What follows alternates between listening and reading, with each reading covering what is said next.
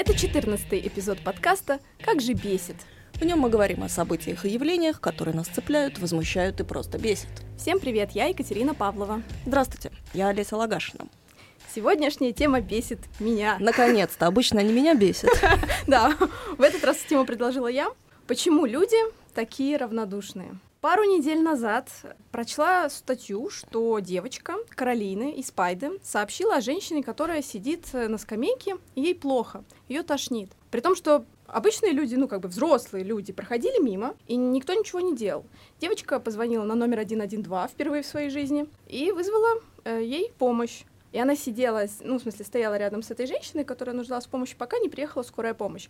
Медики признали, что девочка спасла жизнь женщины. И ребенок оказался более бдительным, чем те взрослые, которые проходили мимо. Для обсуждения этой темы мы позвали сегодня эксперта отдела планирования Центра тревоги Иоланту Вагерпу. Здравствуйте, Иоланта. Здравствуйте всем. Когда вы в последний раз сами звонили на номер 112? М, Ну, наверное, это было в прошлом году. А по какому случаю? По семейным обстоятельствам так скорая нужна была. А, Олеся, ты? Ну, я, честно говоря, даже не помню. Что касается помощи посторонним людям, мне на улице крайне редко попадаются люди в состоянии, которые требуют постороннего вмешательства. Хотя бывало, я пьяным на улице, ну, таким откровенно пьяным, действительно вызывала э, спасателей. Бывает, конечно, дискомфортно ждать э, прибытия скорой, особенно если рядом другие алкаши, особенно если они ведут себя как-то агрессивно и хотят как-то с тобой еще пообщаться, но как-то гораздо более неудобно, когда ты проходишь, у тебя за спиной остается человек не в непонятном совершенно состоянии, и ты не знаешь, что с ним дальше будет. Да, у меня тоже была такая ситуация. Я услышала, что женщина, женщина так слегка постановала, просила о помощи. Я остановилась, спросила, ну, может быть, вам помочь, вызвать скорую. И в этот момент она так сразу, нет, нет, не надо, я уже позвонила мужу, все в порядке. Ну, я как-то ну, думаю, ну ладно, и пошла дальше. А потом сижу и думаю дома, а блин, а вот вдруг она, ну, она явно была под действием наркотиков, но вдруг ей вообще привиделось, что она позвонила мужу, вдруг ей реально нужна помощь, а я ее там оставила одну ночью. Ну, как-то неприятно. Я вообще, на самом деле, стабильно звоню по номеру 112. Я живу в Ластаме где-то три года, и за эти три года я уже четыре раза в свой дом вызывала 112 по совершенно разным причинам. То я выхожу в общий коридор, у меня там э, гарью воняет, то я, э, значит, слышу, соседи ругаются, то слышу у кого-то уже несколько часов э, дымовой датчик работает. И вот, да, мне кажется, что я единственный человек, который вообще вызывает в этот дом службы. Но при этом мы как-то раз с Олесей начали а, это обсуждать, что в каких случаях же нужно вызывать. Вот я, например, пару раз видела, у меня в подъезде лежит э, пьяное тело на лестнице, и э, он как бы храпит, э, то есть живой, и мне кажется, ему хорошо, я не вызываю скорую. А вот у Олеси другая позиция по этому вопросу. Ну, не совсем другая, на самом деле. Мне кажется, если он там лежит, стоит хотя бы проверить, как он себя там чувствует. Я бы, наверное, все-таки растолкала, попробовала выяснить, где он живет, потом позвонила бы в квартиру, если он сможет назвать мне номер этой квартиры. И тем более, если человек лежит не в подъезде, а на улице, на пустыре, скажем, особенно если на улице мороз, естественно, я подойду, спрошу, может быть, даже до дома отведу. Иоланта, вот такой вопрос. Мне нужно звонить э, в один, на 112, когда я вижу, что у меня лежит вот тело храпит на лестнице? Я думаю, да, что это храпит, это не означает, что этот человек спит. Просто он, может быть, да, немножко перебрал алкоголем, а вдруг у него какое-то э, что-то со здоровьем осложнение случилось. Да, сердце. осложнение, что, может, ему нельзя пить, а он выпил по какому-то случаю, и все, он захрапел. Может, он как раз без сознания, вот эти последние хрипы у него. Конечно, надо позвонить, надо убедиться, что все все-таки с человеком будет потом в порядке все. Однажды мне приходилось вызывать э, полицию к человеку, который, ну, он был, очевидно, пьян, может быть, ему даже не было очень плохо, но он лежал э, буквально рядом с трамвайными путями. Ну, где гарантия? Конечно, это опасно уже, да. Он встанет в таком состоянии, да. и рядом его просто, ну, перережет просто человек. Переедет, да. И если, конечно, есть такая опасность, что он на этих э, трамвайных путях, то просто мужчины могут и помочь его оттащить э, с тех рельсов и подождать. на самом деле уже. очень рядом, а там да. никакого даже ограждения нет. А стоит ли пытаться помочь самому? Вот если, например, вот э, человек э, на улице, и он ну, в каком-то, ну там в пьяном состоянии, например. Ну, тоже зависит от вас же самих. То есть как, насколько вы себя чувствуете сильной Естественно, если маленькая хрупкая женщина будет э, большого тяжелого мужчину как-то пытаться оттащить от чего-то, откуда-то, то это, конечно, ей будет непосильно, потому что человек, когда он в расслабленном состоянии, то он действительно в расслабленном, он как бы тяжелеет, свинцовым становится. Поэтому надо все-таки убедиться, дышит ли он, не дышит, и э, быстро вызвать э, скорую помощь, либо э, полицию, уже кого надо. А у меня буквально в это воскресенье, уже когда мы позвали вас к нам в гости, произошла ситуация. Я дома, все в порядке, и тут слышу, у меня соседи начинают ругаться и очень-очень хлопают дверьми. Я открываю дверь в общий коридор, стоит ребенок, плачет. Дома явный скандал, и, видимо, мама просто ребенка, так как квартиры маленькие, однокомнатные, она его, видимо, просто выставила в коридор, чтобы, ну, не попался под руку. Я завела ребенка к себе, вызвала полицию, и вот я разговариваю с диспетчером, меня спрашивают, мне задают какие-то вопросы, да. я открываю дверь, чтобы посмотреть, ну, какой номер квартиры, получается, и там уже скандал разворачивается прямо на пороге, то есть уже дверь распахнута, и я вижу и маму девочки, и как оказалось, друга, который живет с мамой, и вот который э, пришел домой пьяный и начал буянить. Сожитель это по-русски называется. Сожитель, да. Вот. И э, меня диспетчер, она, ну, диспетчер поняла, что я вот сейчас буквально вижу всю эту ситуацию, и она мне говорит, задайте ему вопрос, как зовут мужчину. Ну, я спрашиваю, а как вас зовут? Говорит, там так-то и так-то. Ну, так. А фамилию спросите. А я как бы, мне же страшно. Я хочу сейчас поскорее закрыть дверь к себе домой, потому что я волнуюсь и за себя, и за ребенка, который у меня уже находится в квартире. И я в итоге как бы говорю, нет, я не хочу с ним разговаривать. На что мне диспетчер говорит, а вы передайте ему трубку, мы с ним поговорим. И мне показалось, эта просьба очень странной. Это нормально? Я не могу комментировать э, диспетчера в данный момент, потому что я не знаю этого случая, не, не слышала этот звонок.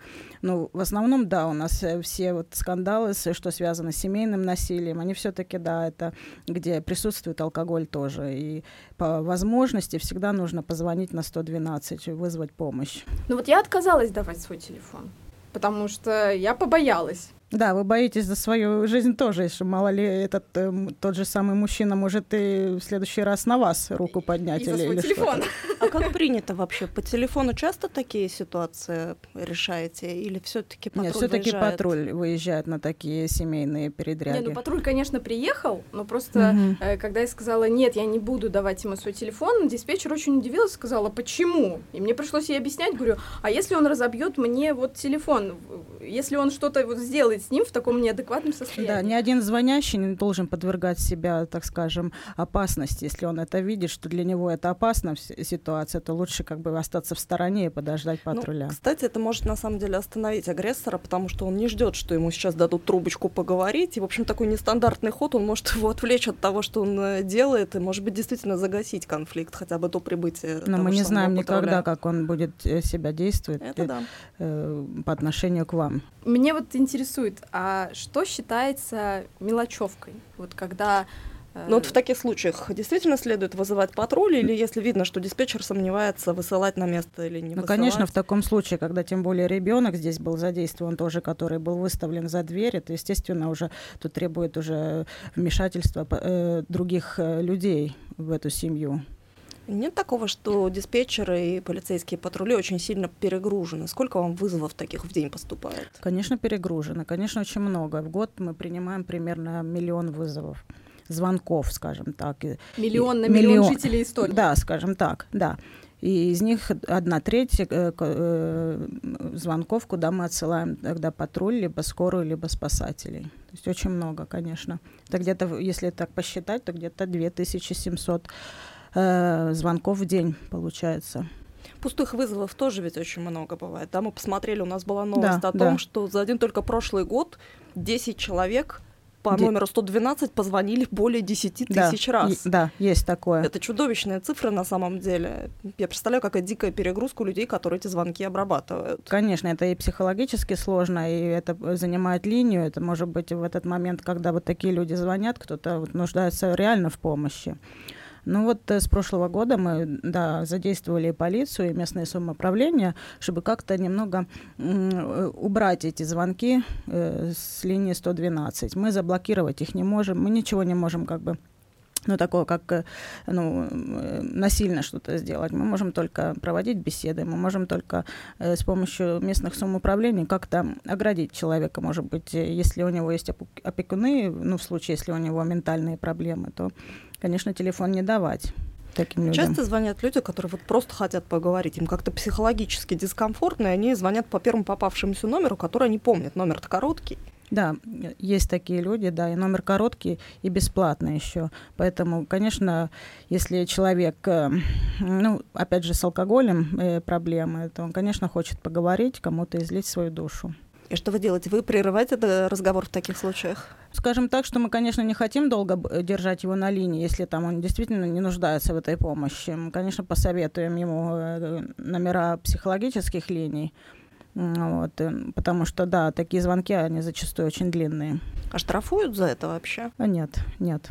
Даже этот с алкоголем перебравший человек, он может э, тоже, скажем так, э, все-таки нуждаться в помощи. Может быть, он просто не сможет это так адекватно сразу высказать нам. А вот, кстати, про штрафы. А вот я как-то вызывала э, спасателей, потому что почувствовала вот запах вот этой гари в коридоре.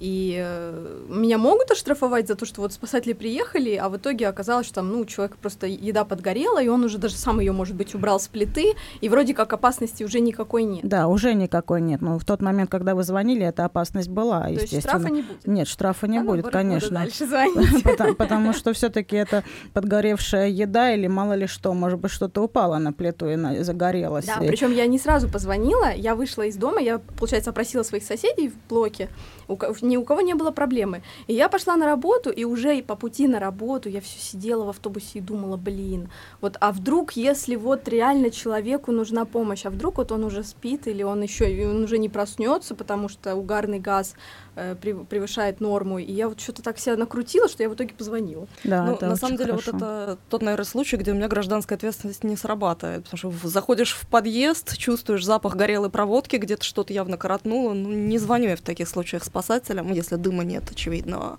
Может быть, я не права? Да, не права, потому что это в любой момент эта проводка может дальше загореться и дальше пойти по В старых каналам. домах это да, ведь это... сплошь и рядом. Да, Разве я не отвлекаю да. пожарных, когда звоню часто? Это же ваша безопасность. Ну, в общем, да. Ну, я видишь, что я тоже не права, что не вызываю телам. Хорошо, тогда мы вас будем дергать чаще. Ну, а действительно, в каком случае не нужно вызывать? Знаете, мне очень сложно судить это. Люди у нас разные, люди, у людей как бы разная подготовка даже к жизни. Это, может быть, для него пластырь поставить это уже проблема, для кого-то это не проблема, да. В смысле, он порезался и вызывает да, скорую? Да, бывают что... и такие. У меня да. был прекрасный совершенно случай. Мы учились тогда в Италии, и моя подружка порезала себе палец консервной банкой. У нее потекла кровь, поскольку она итальянским не владела. Сначала она позвонила мне, я вызвала ей скорую помощь, приехала скорая помощь. Она на тот момент вылила себе пузырек зеленки на этот палец несчастный порезанный. Итальянский врач покрутил мне пальцем у виска, но нас погрузили на скорую, повезли в больницу, где ей наложили аж целый один шов. Но да, в скорую мы позвонили. Ну, случаи, да, бывают разные. Это, если вспомнить наше детство, то мы бегали, у нас коленки раздирались. Что мы делали? Мы клали просто подорожник, да. То теперь такого нету. Если ребенку сказать, что положи подорожник на свою рану, он это Поржет не поймет. Да. Малышева. То есть это очень-очень как бы разная подготовка у людей. Ну вот, а когда речь заходит о домашнем насилии, меня, например, поражает там, ну, сидим в компании, обсуждаем, и вот я рассказываю эту ситуацию, и мне кто-то из моих друзей сказал, а нафига ты вообще вот вызвала им, значит, службу, этот, э, полицию, если вот они просто поссорились, ну, как бы, и это их семейное дело, меня вот, например, очень бесит такое, потому что как раз-таки все э, службы нам говорят, что если вы слышите, что происходит домашнее насилие, неважно, у вашего соседа, друга и так далее, нужно вот позвонить на номер 112. Ну, это опять же так, что нельзя брать все один к одному, правильно ведь? Но если там на вашем случае был ребенок задействован. Ну это да. Ну вот а просто слышишь, вот где-нибудь там внизу ссора происходит. Ну у меня был какая-нибудь тарелка однажды, может быть, за всю историю нашего соседства случай, когда я была готова вызвать э, полицию. Действительно, муж пришел пьяный домой, они громко ругались, что-то там грохотало об стенку. Я вышла в коридор, постучала в дверь, э, там быстро все утихомирилось. Я а, не... то есть они даже двери не открыли? Они не открыли мне двери, видимо, они осознавали, что делают что-то не то, и, видимо, им было стыдно, поэтому они как-то быстренько этот свой конфликт свернули. Это Другое дело, вызывать. что если это... Я не стала вызывать, потому что, ну, я знаю семью, я знаю, что они приличные люди, что там не дойдет до смертоубийства.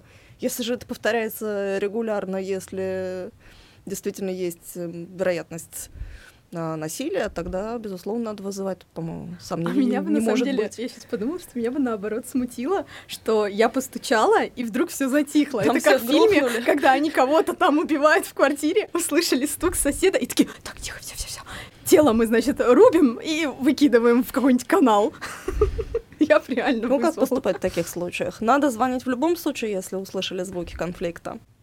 Э, мне сложно советовать, но все-таки да, потому что мы же хотим, чтобы у нас соседи были э, в здравии, чтобы э, мы были в здравии, чтобы все было хорошо. Я начинаю думать о самом плохом. А если вот человек реально сейчас вот уже на грани, не просто, может быть, даже кому-то плохо или кому-то синяк поставили, а если его жизнь реально находится в опасности? Но это да, же мы же не знаем оценки. этого, да. Ты же представляешь себе людей, которые, грубо говоря, живут за стенкой. Да, я вот, например, ну, убеждена, что там убийство все-таки не случится. Но это, скажем так, никогда мы не знаем на, на почве чего. А последующие скандал. отношения с соседями. Да, вы вызовете судить. им полицию, а вам 20 лет еще с ними жить.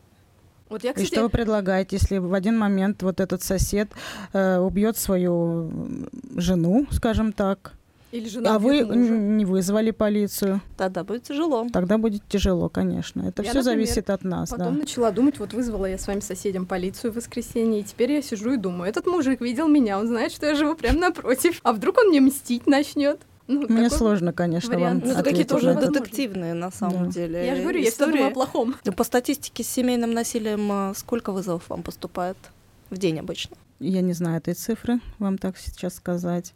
У нас вообще-то так статистика, это где-то 65% медицинских вызовов и 30% э, полицейских и 5% спасательных. Вот так у нас распределяются вызова. Много говорилось еще о злоупотреблении звонками в скорую помощь, когда люди не могут э, другим способом медицинскую помощь получить. Да, есть, конечно, такое есть, когда э, какие-то затяжные болезни или что-то, они просто звонят нам, да, чтобы как-то быстрее помощь получить. Как вы относитесь к таким вызовам? Мне вот однажды пришлось столкнуться буквально с агрессией медиков, когда они приехали домой, обнаружили, что я вроде как даже на ноги могу встать, хотя я была дома одна. Потому что они, видимо, посчитали, что это не настолько важный вызов.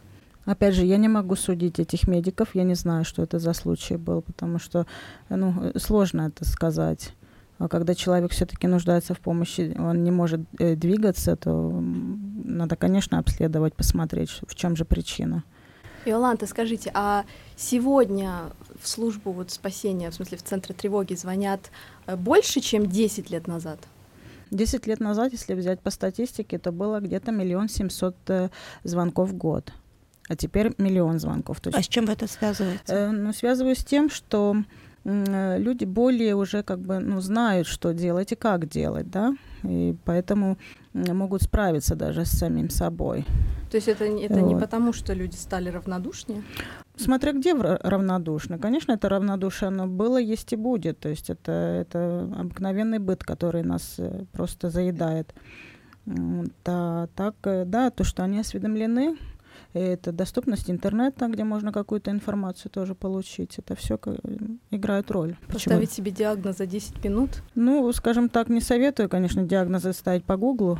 Это это не очень Немедленно правильно. Да, все-таки надо... родильная горячка. Да, все-таки надо в первую очередь обратиться к семейному врачу, а если что-то экстренное, уже ну, звонить на 112. Короткий номер 110, который использовала когда-то полиция, в принципе, уже начиная с 2015 года, она как бы работала параллельно с, с номером 112. Но теперь уже с 1 марта он закрывается. Окончательно, номер 110. Да, окончательно 110 закрывается, и туда можно будет позвонить, но вам будет автоответчик просто говорит, что набирайте 112. Поэтому это очень важная информация, чтобы люди все-таки знали.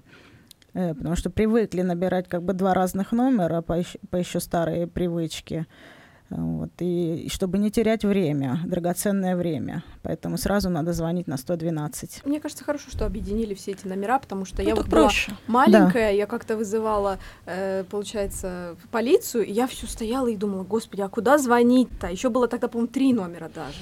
Твое счастье, что ты в советское время не выучила четыре номера, которые были у нас, потому что иногда в шоке думаешь, так 02 позвонить, 03, 04, что это вообще? Ну, а также и сейчас люди Да. иногда э, вот в панике думают, а 112 или 110, 112 или Мгм. 110. То есть, э, если да, сейчас он работает, и э, с прошлого года автоответчик тоже говорил, что все-таки 112 надо набирать, но перенаправлял эти звонки на 112, то теперь этого нету. И номер закроется окончательно. Еще напишите своим детям телефончик 112, вывести его на нужное место, и пусть он там будет, пусть его выучат наизусть. Знаешь, мне кажется, что дети знают лучше, куда звонить, чем взрослые, серьезно, потому что в школах постоянно проводятся все эти, приходят полицейские, рассказывают, что делать и так далее. Да, и да. в итоге дети у нас оказываются сознательнее, чем взрослые. Так ну, и зависит есть, от возраста, так и конечно. Все-таки звоните 112, и каждая жизнь дорога. А было какое-то исследование, почему люди не звонят в 112, хотя понимают, что надо? Но опять же, какое-то равнодушие, поэтому... э, Равнодушие или страх? и, может быть, и страх. Мы не ведем такую статистику, почему именно вот если э, с кем-то что-то случается, почему вот э, прохожие или проезжающие не позвонили. Ну, мы всегда призываем людей, что если вы кого-то видите в беде, обязательно позвоните, обязательно остановитесь, э, обязательно ну, убедитесь, что с этим человеком все-таки что-то в порядке, потому что эти, жизнь, она висит на волоске, и важны первые минуты действия. То есть если вы видите, что кто-то там лежит у вас, э, и вы звоните на 112, то наш медик обязательно вас будет консультировать, если вы согласны помочь этому человеку. И просто вы спасете этому человеку жизнь. Ну вот эта Каролина из Пайда, которая десятилетняя девочка, да, она э, не сказала, она пришла домой и не сказала своим родителям, что сделала. И через две недели звонят из вот э, центра тревоги и, и выражают благодарность, что вот девочка герой. А мама ну, спра- спрашивает, а почему ты мне не сказала? И девочка с- подумала, что она сделала что-то неправильно. Она как бы все равно позвонила, но она не говорила родителям, потому что боялась какого-то осуждения или наказания или еще чего-то неизвестно. Ну да, наверное, мы не привыкли в нашем обществе так, но детки у нас очень такие э, сердобольные, очень быстро идут, да, и очень быстро идут на помощь. Э, Тут был случай, десятилетний Ральф из Кусалу помог принять роды. Да. Это как раз мамы. консультирование по телефону. Да, Да. это просто это восхитительная история, когда у мамы начались, получается, преждевременные роды, она позвонила на номер 112, и там, получается, пе- ну, передали звонок, я так понимаю, врачу, и врач на громкой связи десятилетнего ребенка консультировал, э, как принять роды у мамы. Да, да. Я не знаю, мне кажется, в 10 лет я была такой, такой боязливой, что я бы вообще... Ты что бы ты сделала? Выбежала вот, бы вот из дома? неизвестно, понимаешь, я не знаю, что бы я сделала, мне уже не 10 Да, мы никто не знаем, как мы по- Да. поступим в какой-то либо Но, но вот ситуации. интересно, получается, и врач, и врачу же надо было еще говорить на языке ребенка, получается. Да, Это, это, это очень сложно. это очень сложно, да, э, конечно. Да, молодец, ребенок. Часто такое бывает у вас? Нет, конечно, не часто. Ну, наверное, мы бы знали, если бы случалось, да. Да, то есть это был очень, да, уникальный случай, когда доктор смогла его же глазами и руками там что-то делать. А э, первый случай прям был? Или в смысле, как все-таки такое бывало уже? Не, ну у нас вообще как бы э, с типом э, вот этих происшествий, как роды, ну где-то полторы тысячи в год э, получается, где-то примерно 18 раз это роженицы рожали не в больнице, На а там... шоссе где-нибудь, да, на да, обочине. да. Вот, ну так, чтобы вот ребенок принимал роды, это, да, уникальный. Иоланта, а как вы в целом оцениваете уровень сознательности жителей Эстонии? Мы скорее равнодушны или, наоборот, очень бдительны? И так, и так, я думаю. Как я прежде сказала, это может быть и страх, э, это может быть и не хотят связываться. Или... А с другой стороны, вот подумайте, если вот э, кто-то лежит, а вы прошли мимо, да, или кто-то другой прошел мимо, а там ваш кто-то близкий, и которому не спасут жизни. Вот он, этот человек не придет домой. Как вы тогда себя будете чувствовать? Плохо, наверное. Но я, кстати, еще подумала, может быть, русскоязычные даже могут бояться, потому что, ну, вот они звонят, и там может же ответить э, на эстонском языке, и они Да могут нет, думать нет, просто. нет. Нет, я знаю, что они говорят по-русски, но некоторые люди могут подумать, что что я буду звонить, э, а они там со мной по-эстонски, я не смогу объясниться Нет, никак. а- а- абсолютно не правы вы. Обязательно мы, мы все говорим и на русском, и на эстонском языках, и плюс еще английский. То есть всегда вы получите необходимую помощь. Не надо бояться. А бывало такое, что звонили иностранцы, которые от ужаса, от экстренной ситуации забывали вообще все языки. Допустим, звонит какой-нибудь француз, да, он по-английски забывает. Как вы пытаетесь объясниться с ним? Ну, мы все-таки пытаемся ему на английском сказать э, что-то и, конечно, пытаемся понять. Естественно, мы французского не знаем, но, может быть, тогда ну, попросим, чтобы он нашел кого-нибудь поблизости говорящего на местном языке. Но это не только такие проблемы с э, иностранцами, то есть и, и наши люди такие же. Если какая-то экстренная ситуация, э, многие теряются От шока просто. трудно да, многие, да, многие теряются, они не могут назвать, где они находятся или вообще даже что случилось. Поэтому э, задача оператора это все-таки постараться успокоить звонящего и выявить всю нужную информацию, которая нужна. Кстати, бывает сложно на самом деле. Ты видишь человека на улице, ты же не фиксируешь, где ты находишься в данный момент. Ты вызываешь, тебя спрашивают, а где вы? И ты понимаешь, что адреса ты не знаешь, улицу еще худо-бедно вспомнишь, а вот ка- Мгм. у ка- какого дома ты стоишь. Ну, у нас, конечно, в помощи идет это позиционирование. Мы Мгм. все телефоны позиционируем, поэтому, скажем так, мы не так не точечно, что мы прямо как с игольной точностью э, можем определить. Но в городе это, конечно, радиус маленький, поэтому мы, э, в принципе, диспетчер может как бы спросить, вы там ли находитесь, на этой ли Мгм. остановке или там на том ли углу. То есть это нам, конечно, облегчает работу. Вы пока поговорите, а мы определим, с какой вышки идет сигнал. Да, что касается, конечно, если вы будете не в городе, то, естественно, этот радиус будет больше, и там немножко будет сложнее определить ваше местонахождение. А вот по поводу имени и э, ICQ-кода, вот каждый раз, когда я звоню, мне задают эти вопросы, я, получается, даю свои данные, а может человек отказаться это делать? Да, конечно, может отказаться, но все равно у полиции все данные есть. В общем, дорогие слушатели, не бойтесь того, что ваш личный код будет известен полиции, она и так знает все коды. Будьте бдительны, не проходите мимо людей, которые действительно нуждаются в помощи, не бойтесь переспросить человека и не стесняйтесь позвонить на 112. Спасибо, что слушали нас. Подписывайтесь и пишите нам на венесобачкапостимес.е и оставляйте свои комментарии о том, что раздражает вас.